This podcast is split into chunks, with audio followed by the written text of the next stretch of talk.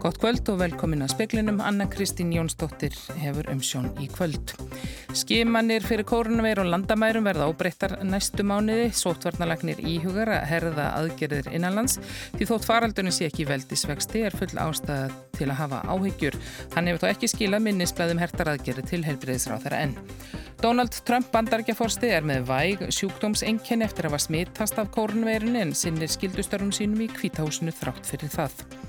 Kona sem fór í leghálskímin hjá leitarstöðu krabbameinsfélagsins árið 2013 án aðtöðasemda greindist með krabbamein tveimur árum síðar. Hún bað nýverðum að sjö ára gamalt síni sittir í endurskoðað, henni var þó sagt að það hefði ekki náðust í hann á sínum tíma til átt hann að vita að það hefði fundist frumubreitingar. Fyrirkomulag landamæra skiminar fyrir kórnveru verður óbreytt til 1. desember en ríkistörnin átti fund með sótvarna yfirvöldum í ráþærabústaðnum síðdeis.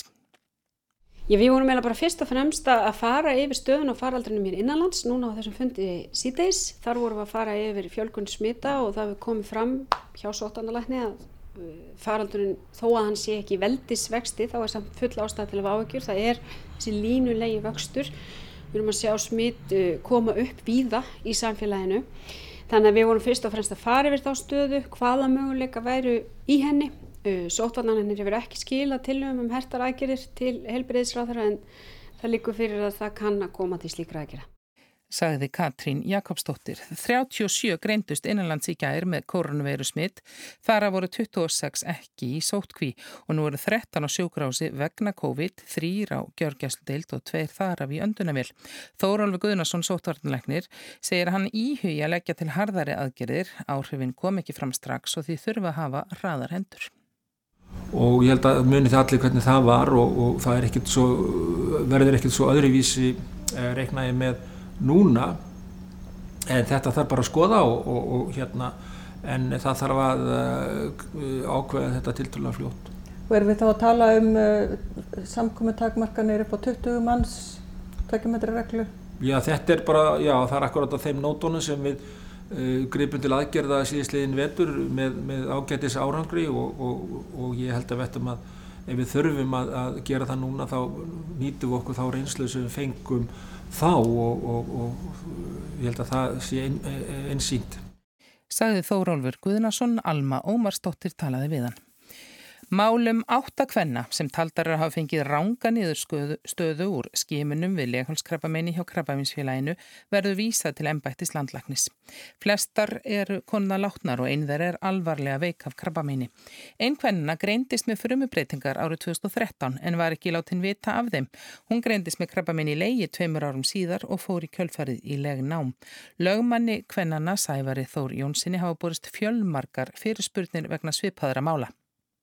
Af þeim fjölda sem við höfum fengið þá er þetta áttamál sem við ætlum að vísa áfram. En ég veit svo sem ekki hvað heildar fjöldi mála verður á endunum en það er greinilegt að það virðist vera okkur brotalum á samskiptum á krafninsfélagsins við sína skjólstæðinga Konurnar fór í skemanir á tímabilinu 2013 til átján.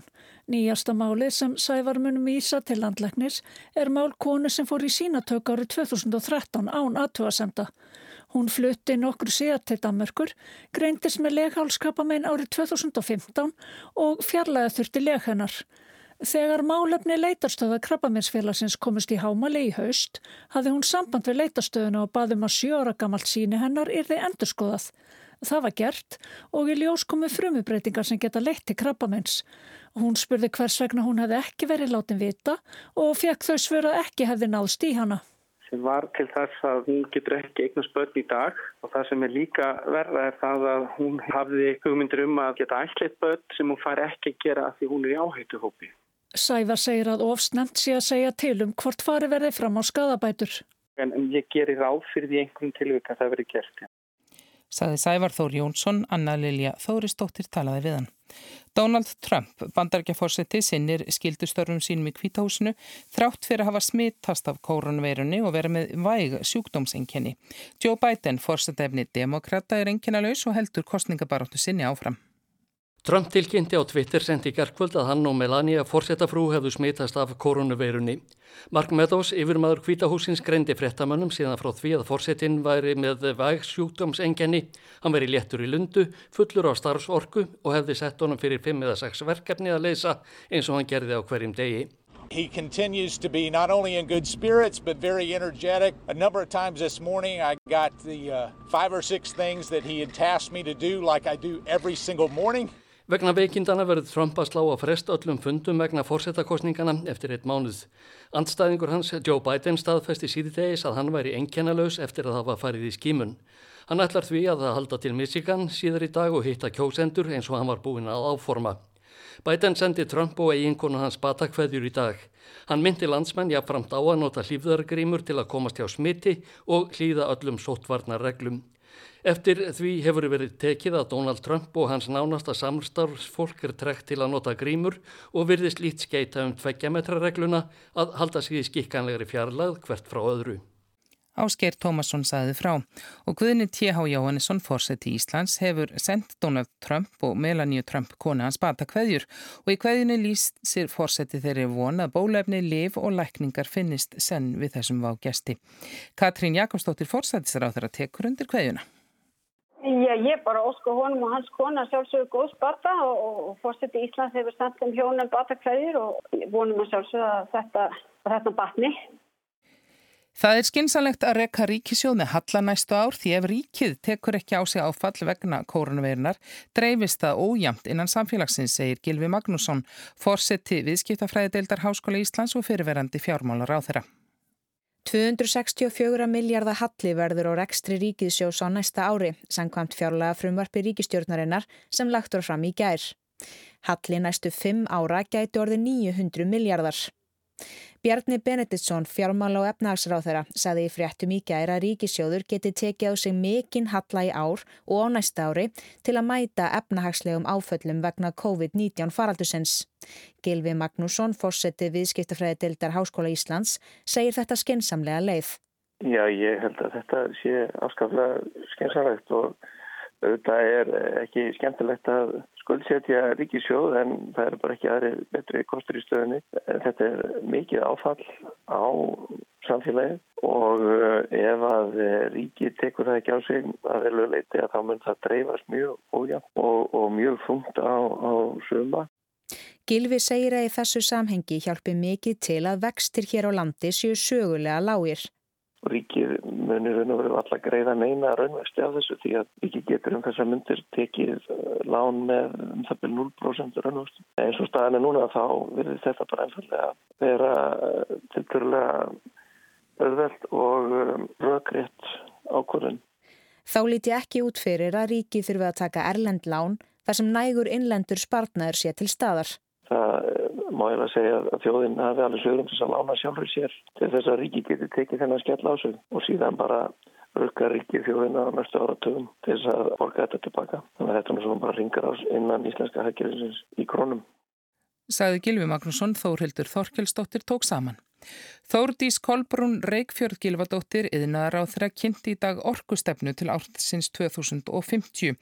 Hún segir að meðal annars fylgir nýri stefnu skýr framtíða sínum sjálfbæra orku framtíð.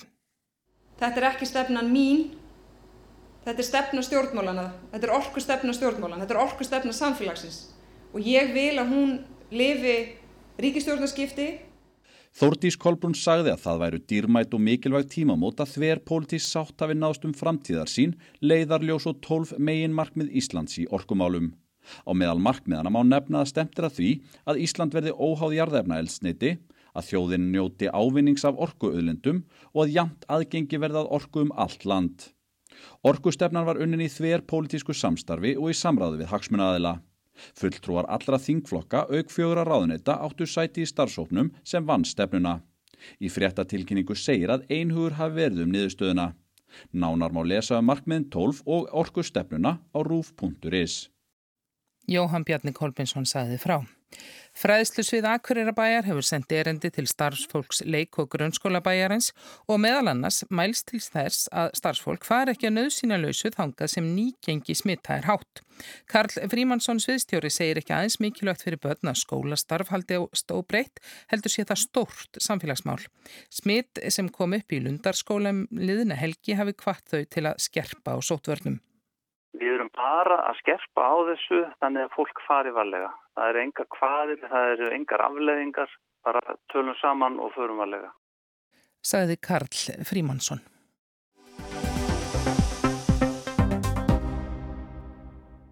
Það er brekka framundan og við stöndum frammi fyrir einni mestu niðursveiflu í efnahagsmálum heimsins.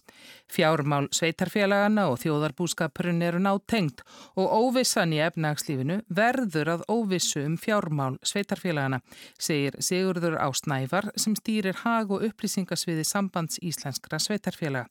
Hann fór yfir afkomu og horfur á fjármálaráðstöfnu sambandsins í morgun. Við höfum verið að meta þetta svona að 2020 og 2021 það gæti verið fjárþörf upp á 50 miljardar, ég hef 50 miljardar pluss.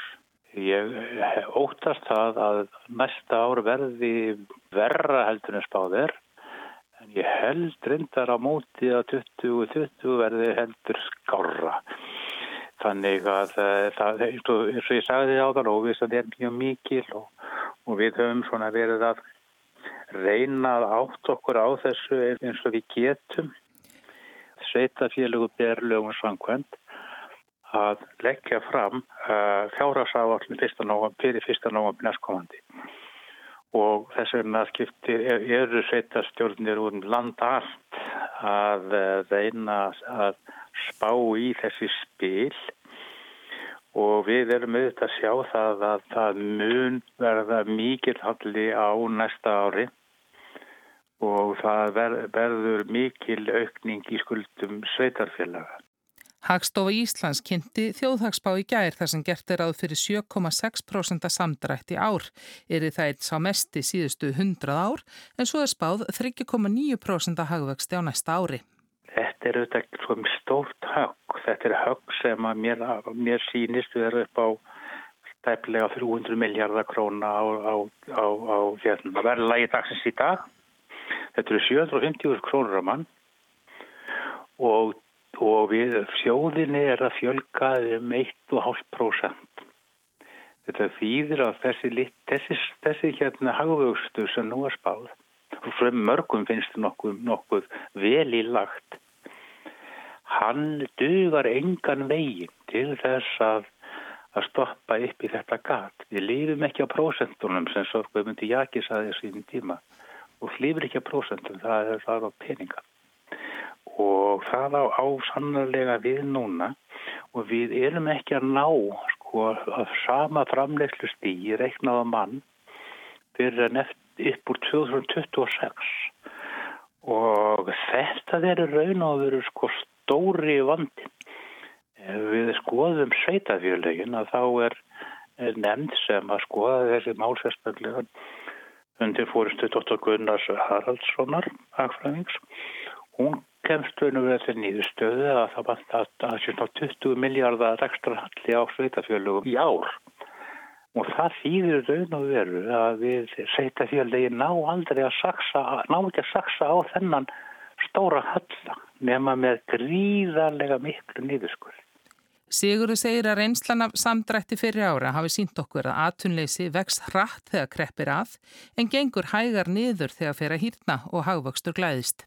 Það fjáras aðstóðin að hún ríkur ekki strax upp. Hún fer að, hún fer að verða mjög þung í kjölfarið á atunleysinu.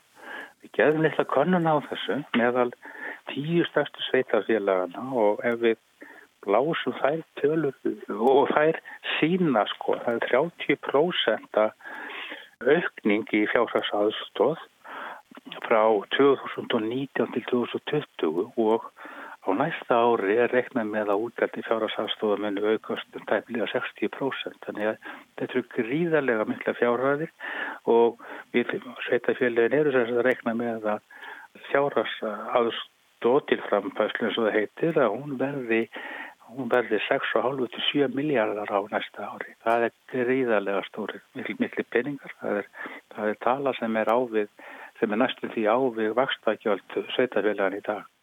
Það er hægara sagt en gert fyrir sveitafjölun að skera niður. Svo mikið af verkefni þeirra er lögbóðin þjónusta. Þá er hámark skattekna þeirra líka ákvarða af ríkinu og sveigurum því tilturlega lítið. Þá hittir að líta þó að við erum búin að vera í nokkuð miklu góðæri og uh, það er bara einfallega þannig að góðærið, það er ekkit endilega hilbritt fyrir hagkerfi sko. Og góðærinu fylgir fyrir fýta og fróða sem að hægt er að sem ætti að vera hægt að skera af.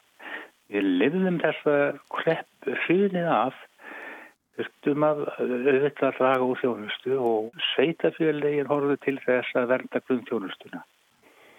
Mér er minnist þetta þegar ég var hjá Reykjavík borg að þá var farið í, í mikla herrferð til þess að leita að möguleikum til sparnaðar og það kom í ljós gríðarlega mikið af hugmyndum sem að marga hverja voru, voru framkvæmdar og mér er sérstaklega minnist að það að sko hýtastíð í vatni í sundlegunum, hýtastíð var lækkað með eina gráðu. Það sparaði allmikla peninga, það tók engin eftir því. Þannig að það eru svona hluti sem að, sem að hægt, er að hægt er að horfa til líka. Fjármála reglum sveitarfélagana hefur verið vikið til liðar fram til ársins 2022. Ágefnið eru auðvitað þetta, bæði hjá sveitafjölugunum og ríkinu. Og hvað gerist eftir þann tíma? Hvað gerist þegar fjármálarreglunar eru settar aftur og þeim eru virkjaðar aftur varðandi sveitafjölugin? Ef það gerist bara 1, 2 og 3 þá blasir það auðvitað við að það verður gríðarlegu samdráttur í rekstur í sveitafjölaga og það verður að stærða gráðan verður sannig að það, mun, það getur haft verulega áhrif á aðra hluta í okkar fjóðabúrskapi. Sagði Sigurður Ármann Snævar.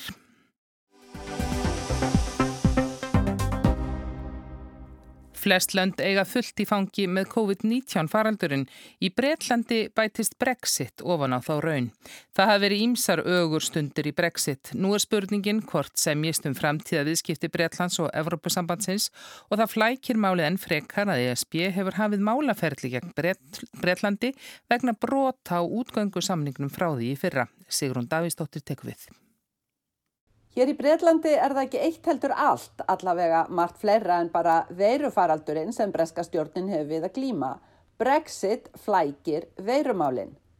Veirufaraldurinn likur eins og mara á bretum líkt og öðrum þjóðum og ekki síst á bresku stjórninni sem sætir sífældri og stöðugri gaggrinni fyrir sein eða miskilinn veirutök.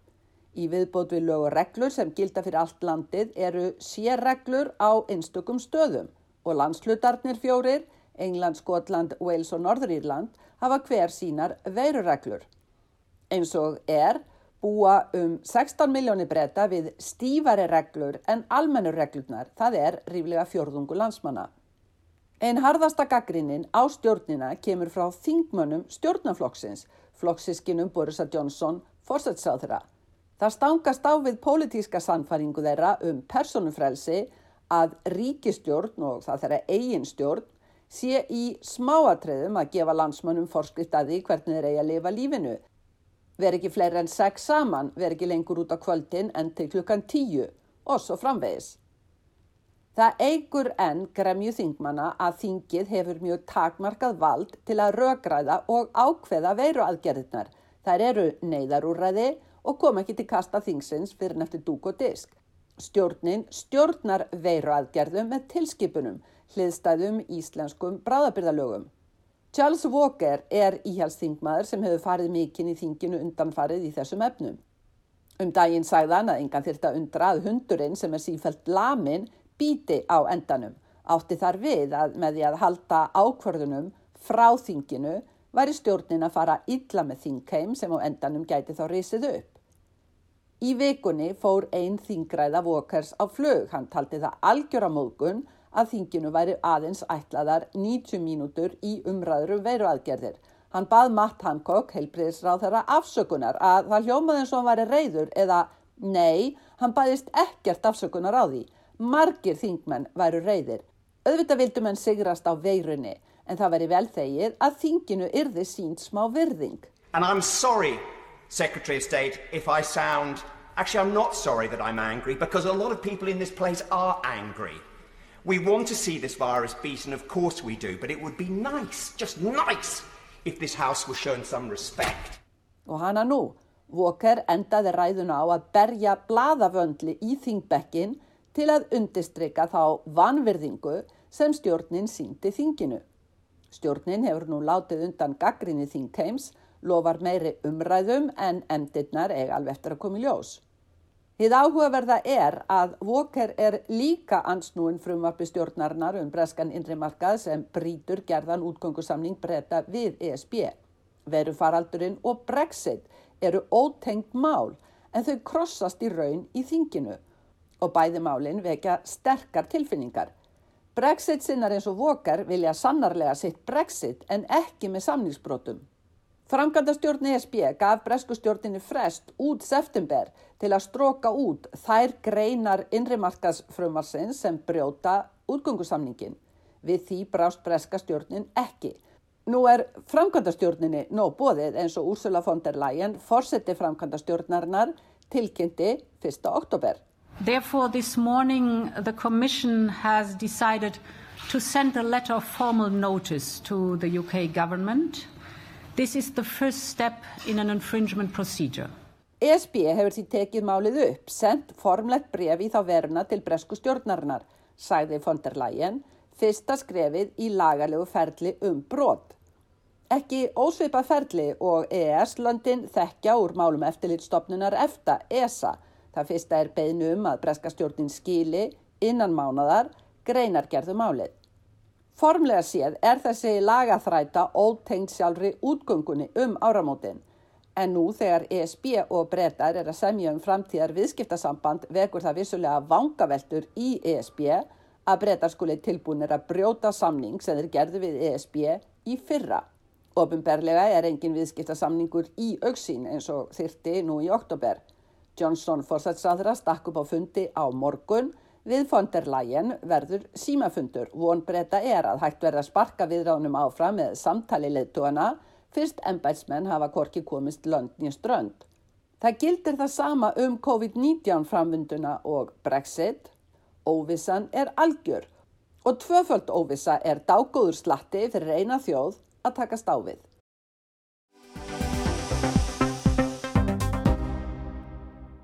Bill Gates er helsti skótspótn samsæriskenninga um COVID-19. Hann á að stjórna samsæri heims elitunar, vilja fækka jarðarbúum, lögbinda bólusetningar og koma ör tölvuflögum fyrir í fólki.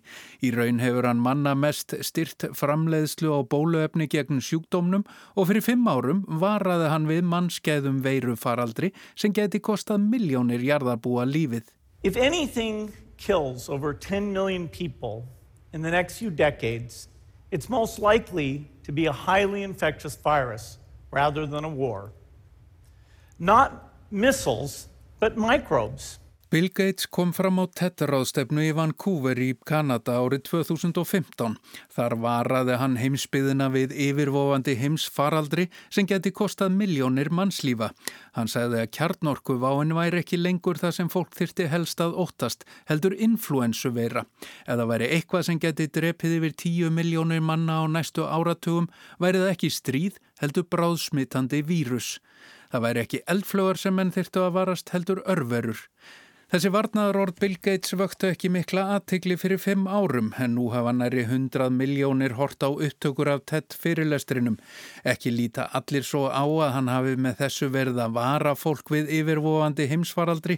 Ímsir samsæriskenningasmiðir saka hann um að vera leiðtoga í samsæri heimselítunar sem vilja stórfækka jarðarbúum.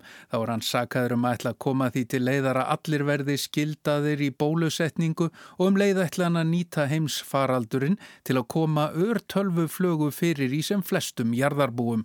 I don't know, I'm worried about those, those rumors. Uh, I'm surprised to find myself, you know, as a big supporter of vaccines saving lives to sort of being attacked for almost the opposite of that. Í viðtali við BBC segist hann ekki alveg vita hvort hann eigi að hafa áhyggjur af þessum endalösu samsæriskenningum en það komi vissulega á óvart að hann sé skótspót þeirra.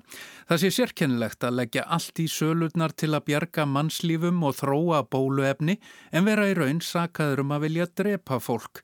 Góðgerðastofnun þegar Bill og eiginkona hans Melindu Gates hefur lagt af mörgum gríðarlega fjármunni. Sjálfur segist Bill stoltastur af þeim miljónum barna sem séu nú á lífi vegna bólusetninga sem stopnunin hefur tekið þátt í um allan heim. Our foundation, you know, our proudest work is the number of children who are alive today, tens of millions because of the vaccine coverage that we've been a partner in increasing in every country of the world. Bill Gates segist hafa miklar áhyggjur á koronaviru faraldrinum sem nú þegar hafi haft mjög alvarlegar afleðingar fyrir líðheilsu fólks, hafi dreyið mjög úr matvæla framleiðslu og dreifingum matvæla sem hafi leitt af sér verulega hækkun á matarverði til alls almennings. Hann segir við BBC að þjóðir heims verði að taka höndum saman við þróun bóluefnis gegn COVID-19. Auðurri þjóðir heims og þar með talin bandaríkin hafi ekki gert það nægilega mikið til að tryggja að bóluefni standi öllum til bóða, ríkum og fátækum þegar fjölda framleiðsla á þeim hefst.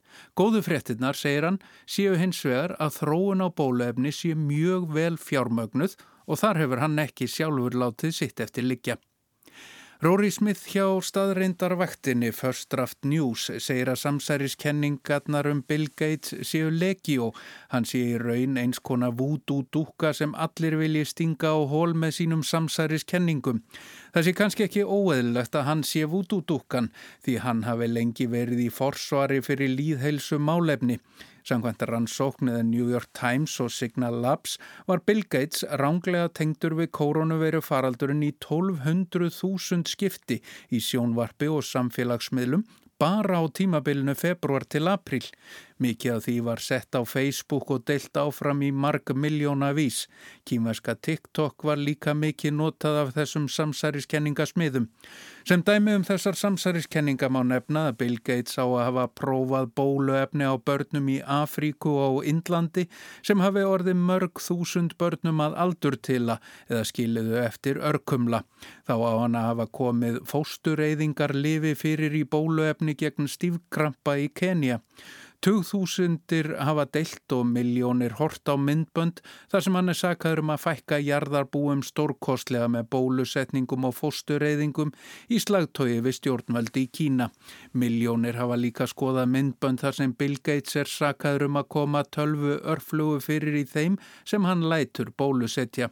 Sankvæmt könnun Yahoo News og YouGov trúir yfirlega fjórðungur bandaríkjamanna og næri helmingur republikana því að Bill Gates vilji notfæra sér bólusetningar við koronaveirunni til þess að koma örflögum í líkama fólks. Í TED fyrirlestrinum í Vancouver í Kanada árið 2015 sagði Bill Gates að undibúningur fyrir yfirvofandi heimsfaraldur ætti að vera í algjörum forgangi. Tíminn væri naumur og menn ættu að nýta ebólu faraldurinn sem þá var í algleimi sem viðvörun. Ef vel væri haldið á spöðunum gæti heimsbyðin verið tilbúin þegar næsti heimsfaraldur riði yfir. Faraldurinn sem nú er orðin að veruleika fimm árum síðar. So I think this should absolutely be a priority. There's no need to panic. We don't have to hoard cans of spaghetti or go down into the basement. But we need to get going because time is not on our side. If we start now, we can be ready for the next epidemic. Thank you.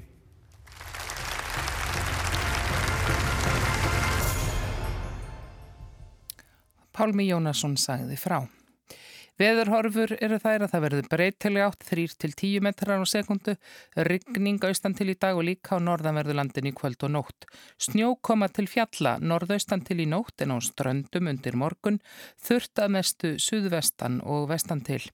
Það dregur úr úrkomu norðan og austan til í fyrramálið en áfram rygnir suðaustanlands og aftur meiri úrkomu á austfjörðum eftir hádegi á morgun hiti og bylnu 3-9 stig að deginum en allvíða næturfrost.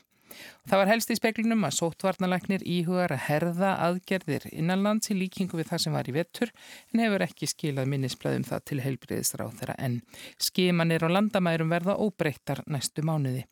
Donald Trump, bandarækjaforsti, er með væg sjúkdómsengjinn eftir að smittast á koronavirunni en sinnir skildustörfum sínum í kvítahúsinu. Stendir að því að Ísland verði óháð í arðefna eldsniti fyrir árið 2050 í nýri orkustefnu. Fleir er ekki í speklinum í dag, tæknum aður í útsendingu var Mark Eldredd veriði sæl.